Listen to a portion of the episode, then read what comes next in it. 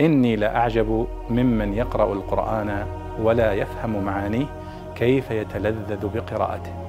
كيف يتلذذ بقراءته. سؤال ورد عن معنى قوله تعالى في وصف المؤمنين واتباع النبي صلى الله عليه وسلم آه، بقوله سيماهم في وجوههم من أثر السجود. يقول ما معنى سيماهم؟ فالجواب أن السيماء هي العلامة. فالله يقول علامتهم في وجوههم واضحة من أثر السجود. فالسيمياء اذا هي العلامة التي يتميز بها إنسان عن إنسان. يقال هذا له سيماء خير وهذا له سيماء شر. أي هذا له علامة خير وهذا له علامة شر.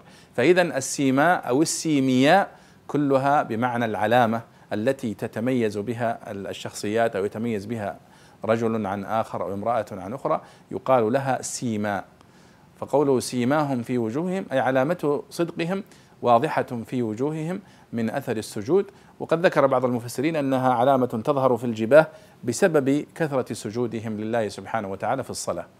فاذا هذا هو المقصود بالسيماء في وصف المؤمنين وأتباع الأنبياء عليهم الصلاة والسلام.